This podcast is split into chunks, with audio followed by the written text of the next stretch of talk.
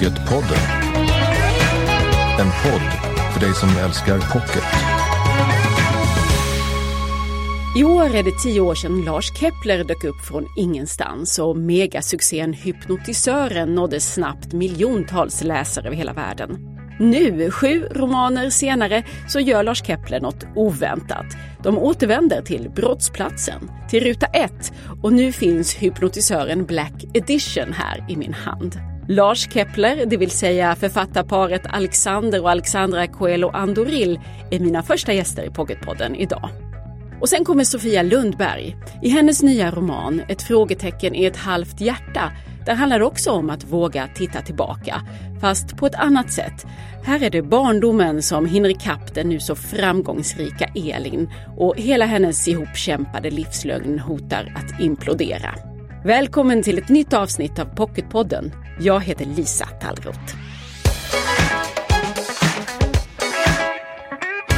I precis tio år har Lars Kepler varit en fixstjärna på den svenska deckarhimlen och det har hunnit bli sju böcker i serien om kommissarie Jona Linna och fler är ju utlovade. Men den senaste Keplerboken följer inte mönstret för den heter Hypnotisören Black Edition. Och den ska vi prata om nu. Att Lars Kepler är en pseudonym det vet nog de flesta vid det här laget så välkomna till Pocketpodden Alexander och Alexandra Coelho Andoril. Tack, tack. Ni får förklara, vad är detta för en bok? I och med att vi firar tioårsjubileum som Lars Kepler så tänkte vi att vi skulle ge ut Hypnotisören igen eftersom vi älskar den här historien. Och så började vi läsa igenom den och insåg att vi nog har utvecklats rätt mycket på de här tio åren. Ja, det, det är väl lite så som att Lars Keplers stil um, har förändrats. Så vi ville på något vis Keplerfiera boken lite mer.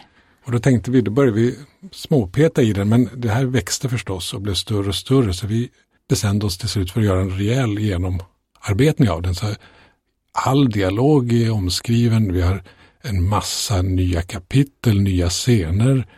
Vi har, ja, vi har ändrat, lyft fram Jona ja, mer i många scener. Ändrat kronologin här och där. Men det var väldigt roligt att återse hypnotisören. Det är ju vår, vår förstfödde mm. så att säga. Och det är en väldigt läskig historia.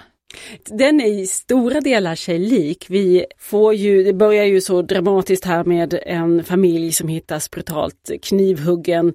Sonen visar sig ha överlevt men ligger mer eller mindre i koma och för att polisen ska kunna få någonting ur honom, Jona Linna, polisen, så tar han hjälp av läkaren och hypnotisören Erik Maria Bark. Men blir, jag blir så förvånad när ni säger att ni behöver keplifiera själva urkällan. För att ska vi påminna oss om att det här var verkligen ingen vanlig debut när hypnotisören kom för tio år sedan, 2009. Ingen visste ju för det första vem Lars Kepler var, för ni höll ju era personer hemliga mm. inledningsvis. Och ändå så var förhandsintresset jättestort och nästan 30 länder hade köpt manuset innan utgivning där. Och då fick ni också ovanligt många recensioner. Och det var det jag skulle komma till, för där gick visserligen kanske åsikterna isär lite grann, men på en punkt var alla överens. Att det här var extremt välskrivet. Det var alla kritiker överens om. Och när ni då läser boken eh, igen här tio år senare, då tänker jag att då tycker ni inte det riktigt själva eftersom ni ändå börjar ändra i, i texten igen. Jo men den, den var välskriven, absolut. Det var inte det som var problemet, det var att vi har hittat genom åren av skrivandet tillsammans en stringens, en exakthet och ett tempo som vi nog inte riktigt hade nått fram till eh, under skrivandet av hypnotisören. Utan den processen såg väldigt annorlunda ut om man jämför med hur processer ut idag när vi skriver. Ja, jag, ty jag tycker också det att, att vi har på något vis i våra böcker eh, skapat ett tryck och precis som Alexander säger här, det här tempot, den här säga, jag tycker kusligheten finns i hypnotisören som, mm. Äh, som vi alltid vill skriva fram. Det här äh, thrillerelementet, det osäkra. Och myllret av olika karaktärer som är, som är fantastiskt tycker jag hypnotisören. Väldigt, ja, det är väldigt, väldigt många karaktärer. Men däremot Men, just ja, en, en stringens. Och här då i Black Edition har vi drivit upp tempot på ett helt annat sätt som, som påminner mer om våra senare böcker det är ju dubbelt så många kapitel nu än vad den var när den kom ut. Men hälften så långa, eller i alla fall en bra bit mycket Ja, vi har- kortare. Ja, vi har stramat åt mycket också. Ja, precis. Skapar en snabbare andning i den här boken.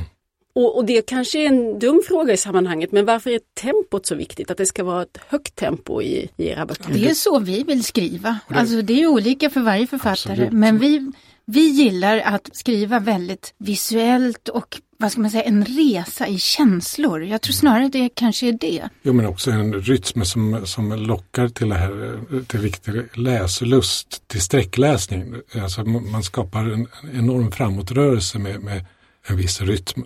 Ställde ni er någonsin frågan om man får man göra så här? Får man ta en av sina gamla böcker och, och skriva om den? Har ni inte stängt det där verket? Den och- där frågan om får man göra sådär, den tror jag att man som författare måste svara ja på alltid. Alltså den, eh, det blir inte mycket till böcker om man, om man liksom stoppar sig själv från det man känner att man måste göra. I Nej, varje fall är nej, det så för oss. Det finns ingenting man inte får göra med text. Det det är bara eh, om man bortser från ren stöld. liksom. Så när man skapar det själv så kan man inte sätta sådana gränser och eh, ska vi ge ut boken igen och känner att vi kan förbättra den, har en chans att förbättra den, det är klart vi gör det. Ja, och det var jätteroligt. Eh, I lite större perspektiv kan man ju då tänka sig att verk slutar aldrig. Kan alltid återuppstå i ny Men skepnad. det finns ju författare som eh, inte kan sluta skriva om ett verk. Alexander är ju gammal målarkonstnär och jag minns en gång när du hade målat en fantastisk tavla och som flera år senare målade om den. Mm. Minns du det? Det här Ja, men- porträttet? Ja, men dels så, så har jag alltid älskat att måla i olja eftersom det är en sån lång, långsam färg. Man har tid på sig, man målar och sen kan man hålla den levande väldigt länge. Man kan skrapa bort färg, man kan eh, ändra nyanser och så vidare. Men man kan ju faktiskt också måla över det man har gjort och förändra den. Och den, den gjorde jag ju från ett porträtt av oss till en mer modern målning man säga. Eh, Så kan det gå. Så, kan det, så jag tror att vi är nog, känner vi att, att någonting behöver göras så, så gör vi det. Det var lite samma sak med när vi skrev Hypnotisören, att vi tog ett språng från våra egna individuella författarskap och in i Lars Kepler och hans berättande. Och det tror jag också var så här att om vi hade tänkt, men får man göra så här egentligen? Um, alltså vi, det ligger inte för oss att tänka så. Det var ju mycket prat om vad man får göra och inte göra när Lars Kepler först dök upp då för tio år sedan. Eh, får man vara så här hemlig och, och ändå eh, marknadsföra en bok och dessutom så var det jättestort internationellt intresse och då växte frustrationen över den här hemligheten. Men sen gick ju då planen att hålla Kepler eh, helt hemlig. Den gick ju i stöpet som vi vet. Ni fick eh, Aftonbladet i hälarna som till slut eh, listade ut att det var ni två som stod bakom den här pseudonymen. Och, och vilken roll har det spelat så här i backspegeln då? Tio år, eh, Lars Kepler som vi ändå alla vet nu att det är Alexander och Alexandra. Ja, alltså hemlig, att vi var hemliga var, från början var det jätteviktigt för vi kände att det satt ihop med att vi plötsligt kunde skriva tillsammans. Att eh, dels ha en pseudonym som blev en egen röst. Eh, det var för oss lösningen på, på samarbetet och med Lars Keplers namn kom så att säga hans berättelser, hans eh, speciella ton. Och karaktärerna. Och, Ja, och vi kände bara att, att det var ett sånt otroligt kreativt rus att få skriva ihop när vi skrev Precis, och det Hypnotisören. vill vi skydda på alla möjliga sätt. Ja, men framförallt så ville vi liksom att manuset skulle bedömas alltså helt objektivt. Så vi skickade det ju anonymt till förlaget. Och det var ju på något sätt så vi bestämde Mm. oss för att vi, vi ska bara låta boken finnas. Vi hade den här adressen larskepler.hotmail.com och den kommunicerade vi Ja. förlaget via. Och, då- och då, man har ju inget facit i sitt liv. Så vi visste ju inte på något sätt att någon skulle vara intresserad av det eller att det skulle bli en sån stor internationell succé och så vidare. Hade ni önskat att ni hade fått förbli hemliga? Alltså, jag tycker vi är fortfarande lite hemliga. Det är fortfarande Lars Kepler som, som skriver de här böckerna. Ehm, Och vi vet ju att Lars Kepler är ju långt mer känd än vad vi är eh, och det är rätt skönt. Och så finns det nu sju böcker, eh, Keplerböcker, eller ja, åtta egentligen då med även hypnotisören Black Edition som kommer nu i storpocket.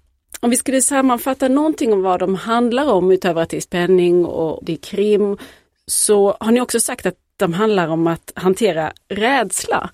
Mm. Eller kanske att göra rädsla hanterlig. Jag vet mm. inte från vilket håll vi ska, vi ska ta det. Kan ni utveckla vad ni, vad ni tänker? Ja, men vi får ofta frågan om varför de är så otäcka och för oss är inte det det som dominerar dem utan um, att man hanterar sina rädslor via dem. Det, det är optimistiska böcker. De börjar ju med våld och rädsla, en mördare kanske, men de slutar med att man stoppar mördaren.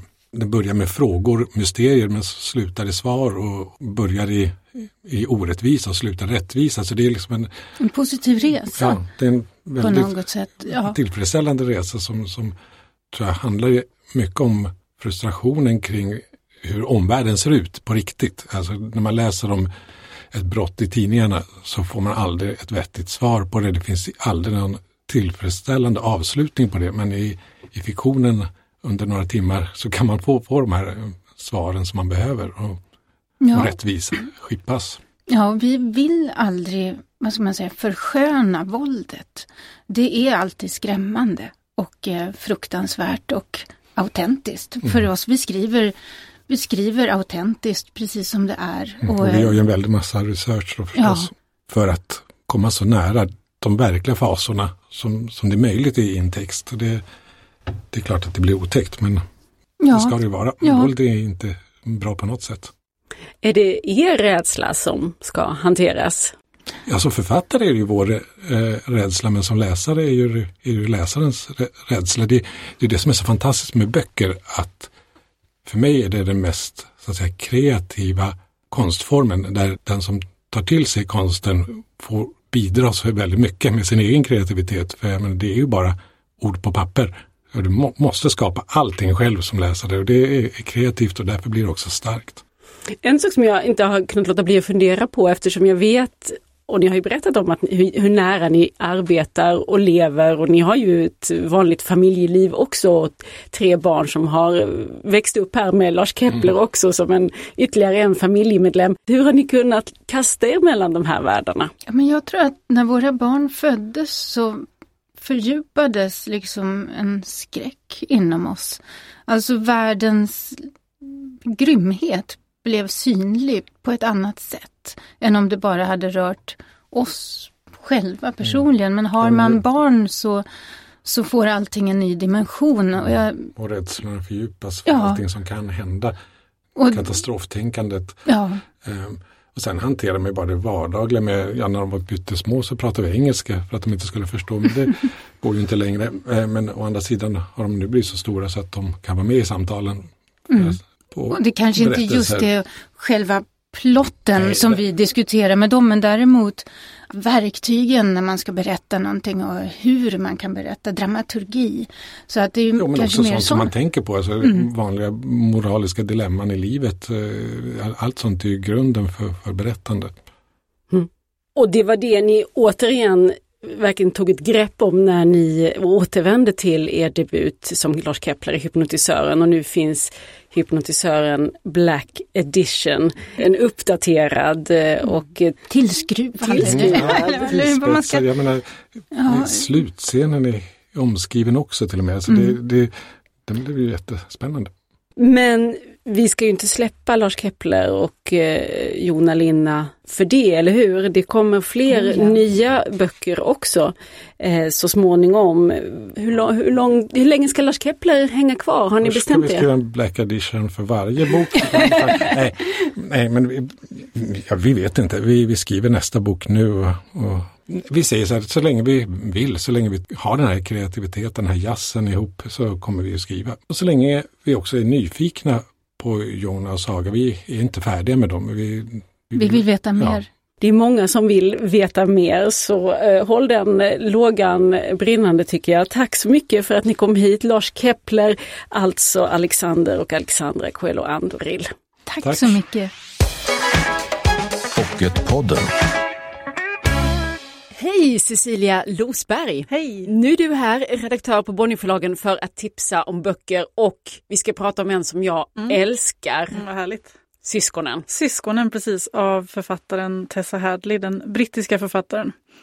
Ja men den här älskar jag också och, och jag älskar den väldigt mycket på grund av att hon har liksom ett sånt lugn eh, i sitt författarskap. Hon skriver med en sån trygghet om den här jättenatursköna omgivningen i den brittiska landsbygden och ett slitet men jättevackert hus där fyra vuxna syskon befinner sig för att helt enkelt bestämma om de ska behålla det här huset efter att deras föräldrar har gått bort. Och eh, egentligen behöver man inte säga så mycket mer om det eh, när det kommer till handling för att den stora behållningen här är ju hennes eh, sätt att beskriva syskonens relationer och naturen runt omkring.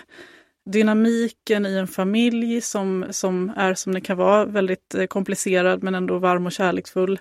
Och jag, när jag läste den, kände mig liksom att jag liksom kunde ligga på någon torr sommargräsmatta och höra en, en humla bara surra förbi lite slött och lyssna på de här syskonens minnen och böljande diskussioner. Och liksom att jag, jag kände mig väldigt mycket i den här romanen och det är en underbar känsla. Hon har en otrolig blick för, tyckte jag, att fånga den lilla dramatiken i ett ganska vanligt liv. Ett jättevanligt liv. Liksom. Men det där som du vet, vissa författare lyckas sätta ord på, sätta nya ord på ett, ett liv man ändå eh, är bekant med. Ja men precis. och det, Och- ja, det är hon fantastiskt duktig på, Tessa Hadley. de här fyra syskonen är Nej men eh, som syskon är, man har olika roller och man liksom Någon kanske är lite yngre och liksom uttrycker det ganska mycket och någon är äldre och mer liksom lugn och sansad och någon annan är självupptagen. Och, men ändå på något vis älskar man alla för sina egenheter och för sina olika sätt och man kan liksom se det om man har egna syskon i de här liksom i de här olika relationerna. Så att det, det är väldigt vackert skildrat tycker jag, de här liksom banden i en familj. Hon har varit här på, på besök till Sadley hon är liksom en fantastisk person också att lyssna på. Väldigt så brittisk, finurlig och jätteintelligent och väldigt så här sympatisk. Man vill ha henne i ett soffhörn hemma ja, jämt. verkligen. Men nu får man då nöja sig med pocketversionen av Syskonen, Ja. Tessa Hadleys eh, fenomenala roman. Och mer inför sommarläsningen? ja, men mer jag tog med mig Jonas Hassan Kemiris eh, Pappaklausulen, hans senaste bok som nu kommer i pocket. Och den här gången handlar det också om en familj kan man säga. Inte bara syskon utan även pappa och mamma och andra runt i en familj. Och så som familjer är, är den här familjen ganska dysfunktionell, men ändå med stor ömhet och kärlek liksom mellan sig såklart. Han, ger inte någon karaktär ett eget namn, men däremot så i de här olika konstellationerna som man ju är i en familj. Ibland är man ju lillasyster och ibland är man eh, liksom bara barn och ibland är man mamma kanske i en annan familj och så vidare. Det gör ju också att man får olika funktioner och liksom man har kanske olika sätt att bete sig på. Det här skildrar han väldigt bra. Och sen så finns det ju en slags dramaturgi i boken också som handlar om en pappa som lämnar. Och det här är liksom en slags eh, hyllningsskrift eh, för de som stannar kvar. De som orkar att stanna kvar i en familj som trots sina liksom, problem och svårigheter ändå liksom håller ut och eh, förstår att det finns något större än min egen frihet så att säga. Det är en lite udda titel, pappaklausulen. Får man någon förklaring till vad den Ja, vad han- innehåller den där klausulen? Ja, alltså, han, han menar ju att det finns en pappaklausul som behöver omförhandlas för att i den här familjen så har ju pappan, den första pappan så att säga, han har lämnat familjen och kommer tillbaka efter många år. Och det finns väl en känsla där av att den här pappan i generationen under, ska han också lämna eller han liksom, kan han stanna kvar? Kan han välja familjen istället för sin egen frihet? Det ska bli spännande att läsa den. Jag har läst hans andra eh, böcker i Kemiris och Mm. eh, ofta skrattat också väldigt mycket. Får man göra det här? Det får man absolut göra jättemycket eh, och, och kanske också bli lite liksom berörd på andra sätt. Men han är bra, han, är, han kan liksom uttrycka känslor på hela spektrat och ingenting blir liksom sökt eller ansträngt utan på ett väldigt så naturligt sätt så uttrycker han liksom vardagens både liksom komik och tragik kanske om man så vill. Pappaklausulen alltså av Jonas Hassen Kemiri. Tack så mycket Cecilia Losberg. Tack. Nu ska vi prata om en roman som inte låter sig ringas in så lätt, tycker jag i alla fall. Den heter ett frågetecken är ett halvt hjärta och här möter vi Elin som lever ett hektiskt liv. Hon är stjärnfotograf i New York och på ytan så är det ju sådär glassigt och stressigt som man kan tänka sig. Men strax under så famlar Elin nu i medelåldern runt i skuld och lögner och hemligheter kring en väldigt sårig och fattig uppväxt som hon hade på Gotland i 70 80-tal. Och det är då mellan dessa platser och tidsplan som romanen rör sig och författaren heter Sofia Lundberg. Välkommen till Pocketpodden! Tack så mycket, roligt att få vara här. Du är ju till och med nominerad till priset som årets feelgood för den här eh, boken. Ett frågetecken är ett halvt hjärta. Men hur känner du inför den genrebeteckningen? Ja, när jag skrev den här boken hade jag inte en tanke på feelgood. Utan det är en relationsroman där jag utforskar en ganska komplex, ett komplext eh, öde kan man säga, där en kvinna har eh, påverkats hela sitt liv av en, sin barndom. Men sen så har ju jag ett... Eh, jag vill väldigt gärna att det ska gå bra för mina karaktärer. Och jag känner och tror, både när det gäller fiktiva karaktärer och vanliga människor, att man kan reparera skador som man har fått i barndomen. Och att trauman alltid går att bearbeta och komma igenom. Och det gör väl att boken kanske lämnar läsaren med en sån känsla. Och det gör mig ju såklart glad. Därför att om mina böcker kan hjälpa någon på det sättet så är ju det fantastiskt. Det hade jag ju aldrig räknat med. Så när du själv ska beskriva den här och, och vilken genre det är, hur, hur gör du det då? Jag säger att det är en relationsroman. Och det är det ju i allra högsta grad och det som fick mig just att tänka att den här feelgood-genren kanske var lite trång, det är din gestaltning av Elins uppväxt på Gotland. Jag tänkte, för att vi ska förstå lite grann vad det är för slags barndom hon har där, om vi ska lyssna på ett litet stycke ur eh, boken. Mjölk, Marians röst väckte henne ur tankarna. Den var tunn och svag, som om hon inte pratat på länge. Hon vände sig mot Elin och höll upp tetran. Ja, jag har inte stulit den. Jag fick en femma av Micke förut. Jag hade kvar några kronor så jag köpte den idag. Av Micke? På Grindes? Varför då? Vet inte. Vi behöver inga allmosor.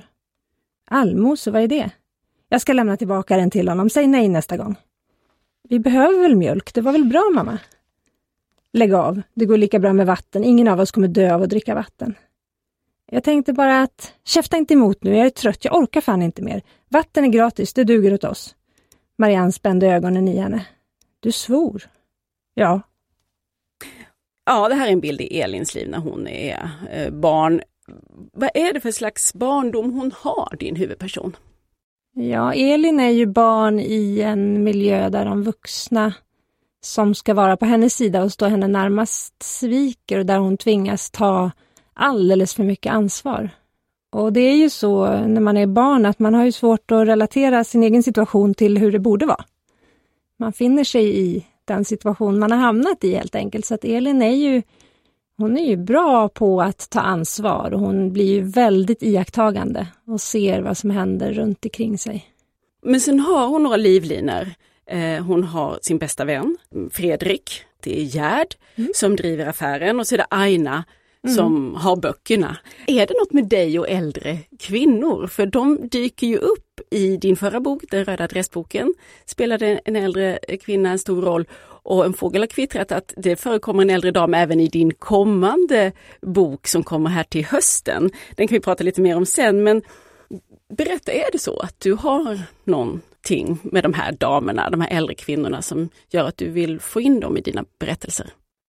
Nej, men jag är väldigt intresserad av kärlek som begrepp och vad kärlek är och jag tror att eh, ibland så låser vi människor oss vid att kärlek ska vara någonting mellan eh, två personer i ungefär samma ålder och eh, jag tror att kärlek är så himla mycket större. Det finns så otroligt många som har eh, en stor betydelse för barn och för vuxna. Alla vi människor har människor runt omkring oss som behöver lite extra kärlek och vi har ju verkligen förmågan att ge den. Och eh, i, i mitt fall när jag var liten så fick jag otroligt mycket kärlek av min farmors syster Doris. Som, hon levde ensam, eller hon flyttade in hos min farfar när farmor dog och tog hand om honom. Hon var väldigt eh, altruistisk kan man säga. Hon, hon levde för andra och var väldigt, väldigt snäll. Så det är självklart har det påverkat mig, eh, att just hon fanns. Så. Men, eh, men jag tycker att det är intressant det där med hur stor betydelse en annan människa kan ha för ett barn eh, som inte är förälder. Och vad spelar de här kvinnorna för roll i Elins liv? I de ser ju henne. Det handlar ju om att bli sedd. Och det behöver ju inte vara på, jag menar, Gerd, hon som hon har i den lokala mataffären och hon sticker åt henne en godisbit eller värmer en kopp varm choklad. Och, eh, och hemma hos Aina som är en äldre dam som bor i ett hus så kan hon gå hem och få en fika och prata en stund. Så det handlar ju väldigt mycket om att bli sedd och det ger ju också Elin en styrka som gör att hon eh, klarar sitt liv så bra som hon gör. Och sen rör sig boken genom åldrarna.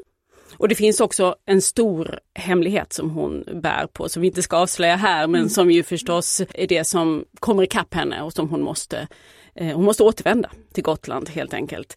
Men jag tänker på det här att skriva om eh, en och samma person i olika åldrar. Eh, hur, hur var det för dig som författare att hitta in i de här olika åldrarna?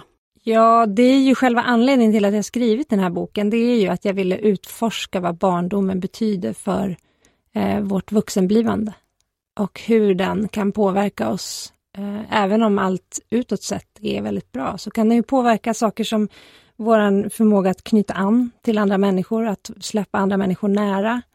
Eh, och det är ju otroligt viktigt för att vi ska må genuint bra.